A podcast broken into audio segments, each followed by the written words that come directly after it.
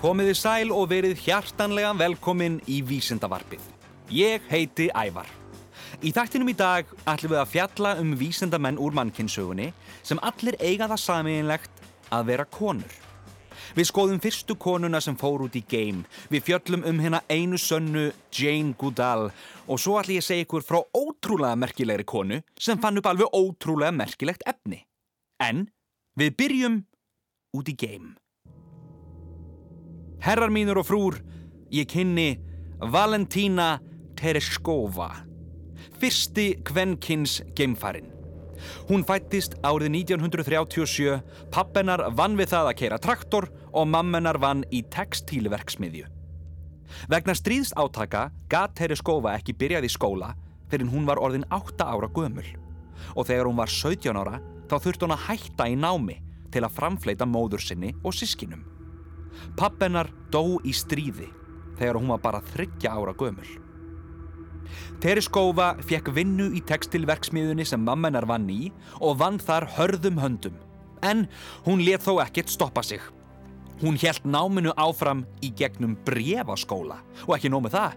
Þess á milli þá lærði hún fallífarstökk. Og það skal tekið fram, það var ekki í gegnum brefaskóla. Fyrsta fallífarstökkið hennar var þann 21. mæ árið 1959. En, en, en bökkum nú aðeins, hvernig í óskopunum kemst þessi fallífarstökkvari út í geim? Jú, sjáu til, um miðja síðustu öld var svo kallað kapplaup um geimin. Bandaríkja menn og rússar keftum það hver væri fyrstur til að koma allskins hlutum, dýrum og fólki út í geim. Rússar voru fyrstir til þess að koma manni út í geimin og í beinu framhaldi þá ákváðu þeir að þeir vildu líka verða fyrstir til að koma konu út í geim. En hverjar voru kröfurnar fyrir þá sem vildu sækja um? Hér eru nokkrar þeirra. Umsækjandin varð að vera yngre en 30 ára, minn en 170 cm, undir 70 kílóum, í góðu formi og reyndur fallífarstökkvari. En hvers vegna þurfti geimfarin að vera góður í fallífarstökki? Jú, reynsla af fallífarstökki vóð þungt í vali á þessum hvennahópi þar sem væntanlegur geimfari myndi ekki komast alla leið til jarðar í geimfarinu heldur svífa síðasta spölin í fallíf. Af öllum þeim sem sóttu um voru fimm konur valdar í lokahópin og af þeim var Tereskova talin hæfust. Þar spilaði reynsla hennar sem fallífarstökk var inn í. Þegar Tereskova var valinn til þáttöku í geimferða áallum sovjetmanna þá mátt hún ekki segja neinum frá, ekki einu sinni fjölskyldunni sinni og komust ættingjar ekki að neinu fyrir en ráðamenn í Kreml greindu um heiminum frá förennar. Þann 16. júni 1963 var Valentína Tereskova skotið á braut umhverfis jörðu í geimfærinu Vostok 6 og varð þar með fyrsta konan til að ferðast út í geim. Alls var Tereskova 70 klukkustundir og 50 mínútur í geimnum og fór á þeim tíma 48 ringi umhverfis jörðina. Tveimur dögum áður hafði verið skotið á loft öðru geimfari en þar um borð var geimfarin Valeri Bikovski. Þau Tereskova og Bikovski voru í sambandi um hríð og meðal annars þá söngún fyrir hann en sambandið rofnaði þegar förin fjarlægðu skort annað þegar var búið að skjóta þeim út í geim. Ferðin gekk ágætlega en strax á fyrsta degi kom í ljós mistök sem að beindu farinu lengra út í geim í stað aftur til jarðar. En það tókst þó að leiðrétta það. Tereskova lendi í erfileikum á leiðinni heim. Hún átti í vandraðu með að stýra farinu auk þess sem fjarskipti við stjórnstöð rofnuðu skömmu áður en því var beint til jarðar. Og ofan á allt annað þá olli geimbúningurinn Tereskovu óþægjendum og hún kastaði upp í ferðinni. Eins og þá týðkaðist, þá skaut Tereskova sér út úr geimfarinu skömmu fyrir lendingu, opnaði fallífina sína og lendi heilu og höldnu í Altai héraði í sunnanverðir Sýberíu. Töluvert frá þeim stað sem gert hafi verið ráð fyrir. Það tók björgunamenn tvo klukkutíma að finna hana. Tereskova var hilt sem þjóðhetja og hlaut margvíslegar viðurkenningar fyrir þetta afreiksitt. Tereskova fór þó aðeins í þessa einu geimferð en lítill áhugi var á því að senda konur út í geimin eftir þessa fyrstu ferð. Það liður næstum því tveir áratýr, 20 ár, þar til kona fór næst út í geimin. En svo var einnig frá Sovjetríkonum. Tereskova, sem er alveg að verða 8-10 ára, hóf þáttöku í stjórnmálum á sjönda áratögnum og satt lengi í æðstu stjórnarstopnunum gömlu Sovjetríkjana.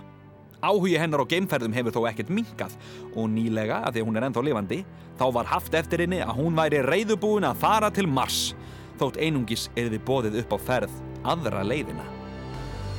Ef þú vilt vita meira um þessa merkilegu konu, þá skaltu slá henni upp á Vísendavefa Háskóla Íslands, vísendavefur.is eða rúf.is. Það er komið að næsta vísendamanni. Herra mínur og frúr, Jane Goodall. Fáir hafa unnið jafn ötulega að málefnum náttúru og dýraverndar síðustu áratugina og vísendamadurinn Jane Goodall. Áratuga langt starf hennar og samstarfsmanna við rannsóknir og simpönsum í Tansaníu veittu nýja insýn í heim þessara dýra. Rannsóknirnar hafa meðal annars aukið skilning okkar á floknu samskiptaminstri sem einkennir líf simpansana. Jane er enn á lífi í dag og hún er meira að koma til Íslands sömari 2016 og mér finnst einstaklega spennandi að geta sagt ykkur frá henni. Hún fættist árið 1934 í London á Englandi og frá barnæsku var hún afar áhugasum um dýr, sér í lægi um framandi dýr Afríku. Þegar henni bauðst að heimsækja vinafólk í Kenya þá greip hún tækifærið og 23 ára gömul fór hún til Afríku í fyrsta sinn. Þar komst hún fljótt í kynni við fordleifa og steingerfingafræðingin Louis S.B. Leakey sem heitlaðist af óbílandi áhuga hennar og þekkingu á dýrum. Hann reð hana sem aðstóðarkonu sína og senda hana árið 1958 aftur til London til að læra um atferðli prímata. Líki taldi að stóru abarnir gætu veitt insýn í þróun prímata og þar af leiðandi þróun mannsins. Árið 1960 þá sendi Líki Gudal til Gombe í Tansaníu til að fylgjast með atferðli simpansa. Með sjónauka og skrifblokkað vopni hóf Jane aðtúanir sínar sem einkendust af ótrúlegri þólinnmæði og þrautsegju. Gudal gerði fljótt merkilegar uppvötanir. Til dæmis að simpansar voru ekki græmitisætur eins og áður var talið, heldur voru þeir alætur líkt á maðurinn. Þá uppvötaði hún einnig að simpansar þeir notuðu verkfæri. Hún fyldist með hvernig simpansarnir reynsuðu og snirtu til greinar og notuðu þær svo eins og veiðistangir til að veiða termíta úr termítarhaugum. Þessi uppvötun kollvarpaði því þeirri hugmynd að það væri sérstæða mannsins að nota verkfæri. Þessar merkilegu niðurstöður urðu til þess að frekari fjárveitingar fengust í rannsóknir Gudal og þrátt fyrir að hún hefði ekki lokið grunn háskólagráðu var hún tekin inn í doktorsnám við Cambridge háskóla. Gudal barðist hart fyrir viðurkenningu á þeirri aðferð sinni að einfallega fylgjast með og skrá hjá sér hvað gerðist í simpansahópnum, þótt profesorar hennar hafi ráðlagt henni annað. Aðferðarfræði hennar var lengi umdeild í vísindasamfélaginu og enn ríkir ekki fullsátt um hana. Jane vildi nefnilega gefa dýrónum nöfn, en það þótti ekkit sérstaklega vísindalegt. Það var lengi vel viðtekinn venja að nota númer eða merki sem einkenni. Vísindamenn vildu frekar líta á dýrin sem verur byggðar eins og vélar þar sem ákveðið áreiti vakti ákveðin svör. Frekar en að líta á þau sem skinsamar tilfinningaverur með sín sérkenni og personuleika. Með því að þekkja einstaklingana með nafni og lifa nari því með hópnum í náttúrunni eins og Gudal gerði, urðu viðmiðin önnur og nýjar uppgötanir voru gerðar. Næstu árin helt Gudal áfram að fara í leiðangra til Gombe og rannsóknir hennar vöktu vaksandi aðtikli. Hún stopnaði rannsóknarsetrið Gombe Stream og setna stopnun Jane Goodall sem gerðinni klefta stunda enn viða meiri aðtúanir á þessum nánasta ættingja mannsins. Rannsóknir hennar síðustu 50 árin hafa sínt fram á að hegðun viltra simpansa er líkari okkar eigin en við hefum nokkru sinni geta gert okkur í hugavund. Flókin, félagsleg tengsl, pólitík, valdarán, undirferli, stríð á milli hópa, fortfísi og vinahót er hegðun sem hafði áður verið talin einskorðuð við mannin. Rannsóknir Gudal hafa líka verið kveikjan að ótal öðrum rannsóknum sem hafa sínt fram á flókin hegðunarmynstur annara tegunda, ekki síst prímata. Rannsóknir hennar hafa þannig breytt sínu vísindana á tengsl manna og dýra og á dýrin sem vitsmuna og tilfinningaveirur. Goodall berst nú ötulega fyrir verndun simpansa sem er tegund í útrymmingarhættu, engum vegna mikils ágangs á búsvæði þeirra. Þá vinnur hún einni að því að vekja aðtekli á verndun og velferð dýra almennt.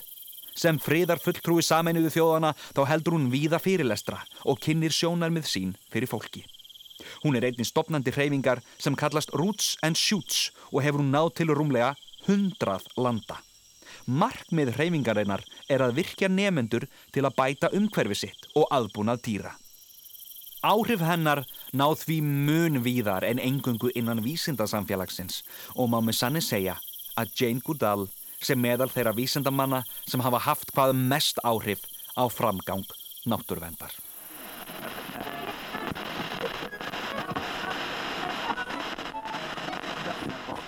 Næst er Ada Lovelace Fyrsti forritarinn.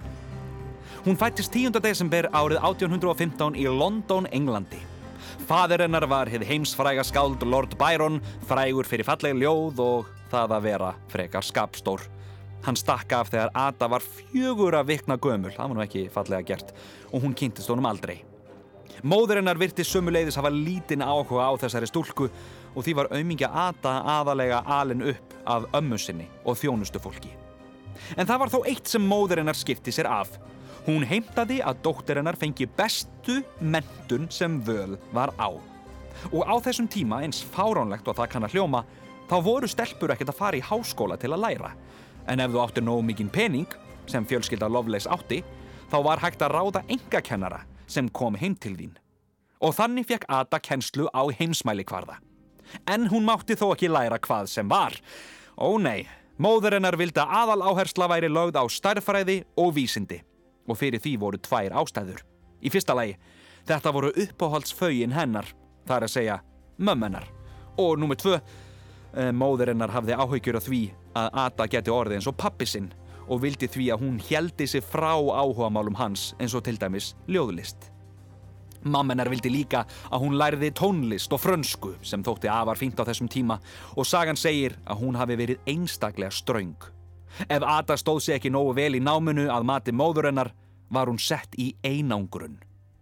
Mammenar vildi að hún erði öguð og alvarleg sem var eitthvað sem faderinnar var alls ekki. En það var svo 5. júni 1833 þegar Ada var 17 ára gömul að lífennar breytist. Charles Babbage var starfræðingur, frumkvöðull, heimsbyggingur, vélaverkfræðingur og uppfinningamadur og hann hafði heyrt að því að þær maðgunar varu klárar í reikningi og vildi sína þeim nýja reiknivél sem hann var að reyna að búa til. Vélinn átt að geta reiknað út úr tiltölulega flóknum starffræði formúlum. Á þessum tíma voru til sjálfvirkir vefstólar sem stýrt var með gataspjöldum. Vefstólar þessir voru því forritanlegir. Babbage áttaði sig á því að hann geti notað gataspjöld til að stýra reiknivél, en hann náði þó aldrei að smíða þessa vél. Eftir að hafa lesið yfir glósunar hans, þá sá Ada í fljódubræði að það var lítið sem hún gætt gert til að hjálpa honum, en hún baðan þó, svona áður en hún fór, um að fá að fá afrit af þessum glósum. Hún grand skoðaði glósurnar, spáði og spekuleraði og á næstu árum, sama hvað hún tók sér fyrir hendur, þá var hún alltaf með vélinans Babbage bak við eirað. Árið 1842 þá skrifaði franskur verkfæræðingur grein um vél Babbage og tók Ada að sér að þýða greinina yfir á ennsku.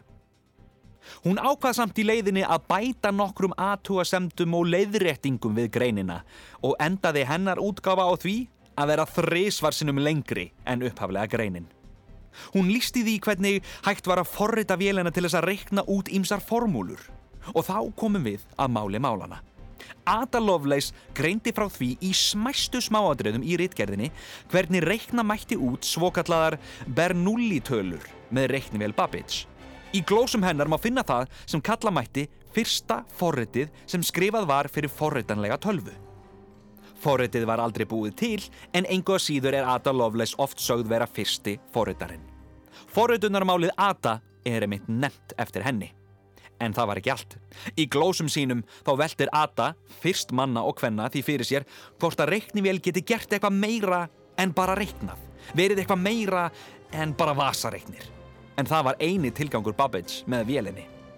Hún sá hins vegar fyrir sér að tölfur getu unnið með upplýsingar svo framalega sem upplýsingarnar væri á formi talna.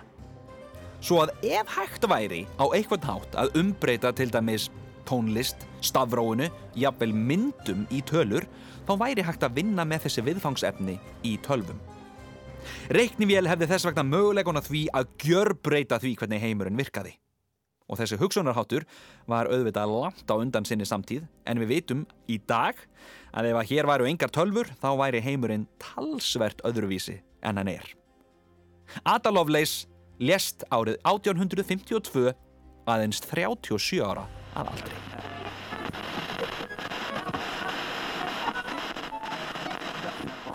Og síðust en ekki síst Stephanie Kvolek. Ég held ég sé alveg örglega ekki dónalegur þegar ég segi að það hafa örglega fæst ykkar heyrt um hana. Stephanie, hún er enga síður afar merkileg og hún hefur bjargað lífi fjölmarkara. Stephanie Kvolek er konan sem fann upp kevlar, gríðarlega stert efni sem meðal annars er notað í skotheld vesti. Vindum okkur í þetta. Stephanie Kvolek fættist 31. júli 1923. Fóreldrar hennar voru innflýtjendur frá Pólandi og það má í raun segja að hún hafi verið fullkominn blanda af mömmu sinn og pappa. Fadir hennar kveikti áhuga hennar á vísindum og móðir hennar sem var saumakonna sínd henni hvað efni og hönnun gætu verið spennandi. Ég vil meina það að þarna var fræginu að skot held að vestinu sáð. Hönnun og vísindi saman komin. Stephanie velti því fyrir sér á tímabili að verða fatahönnuður. En þegar mammenar sagði henni að hún væri allt og mikill fullkomnunar sinni til að feta þá braut, þá vatt hún hvæði sín í kross, saum og gerðist læknir. Stephanie sótt um starf hjá efnafyrirtækinu DuPont, en maðurinn sem réðana var maðurinn sem náða að gera sellofan vassheld, takk fyrir kjallega. Hún var því greinilega á hárréttum stað og henni var bóðinn vinnan á staðnum. Eins og þið vitið er nælon mjög þund efni en það er samt líka svolítið stert og þegar nælon er búið til þá eru fyrst búið til svokallæðir einliðu kristallar og þegar kristallarnir eru hitaðir upp í 285 gráður og Celsius þá verður til segur vögvi og vögvin er settur í spunatæki og þá fáum við nælon.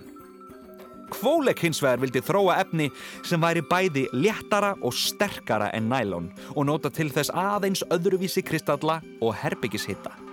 Efnið sem hún fjekk út var þunnfljótandi og leit út eins og súrmjólk en ekki glært og seikt eins og hún bjóst við. Forvitni hennar kviknaði og hún baðum að fá að renna þessum furðulega vökva í gegnum svokallað spunatæki. Samstagsmenn hennar höfðu ágjörða því að þetta myndi stíbla og skemma tækin þeirra en Stephanie fjekk sitt fram að lokum. Hún rannsakaði efnið sem kom upp úr spunatækinu og uppkvitaði að atóminn höfðu raða sér upp á mjög reglulegan hátt sem gerði efnið einstaklega stert. Það kom á daginn að kevlar, en það var nafnið á þessu nýja efni, er fimm sinnum sterkara en stál en afar létt. Þetta hljómar er svo góð brinja á ringadróttinsögu. Yfirmenn Stephanie voru himinlifandi þegar þeir sáu hvað hún hafði uppkvötað og áður en nokkur gætt sagt hei þetta er svolítið töff þá höfðu þeir skipað hóp vaskra vísindamanna til að komast að því hvað væri hægt að gera við þetta magnaða efni. Og það leiði ekki á laungu þar til farið var að nota kevlar við framleiðslu á hjólbörðum. En e, í hvað er kevlar notað annað?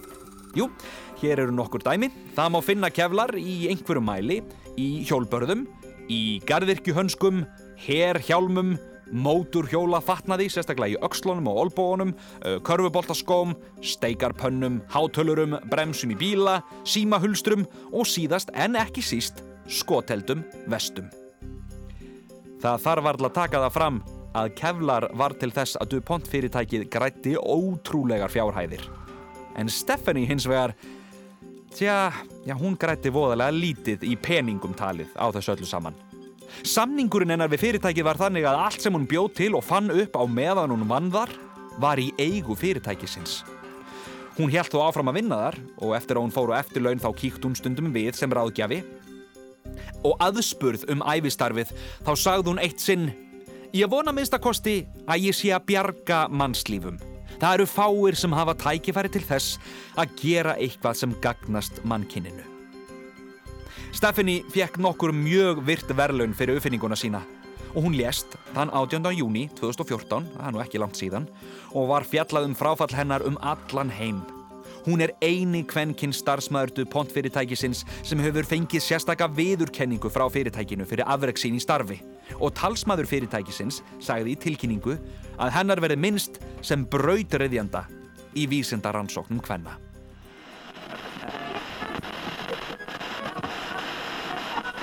Þættinum er lokið.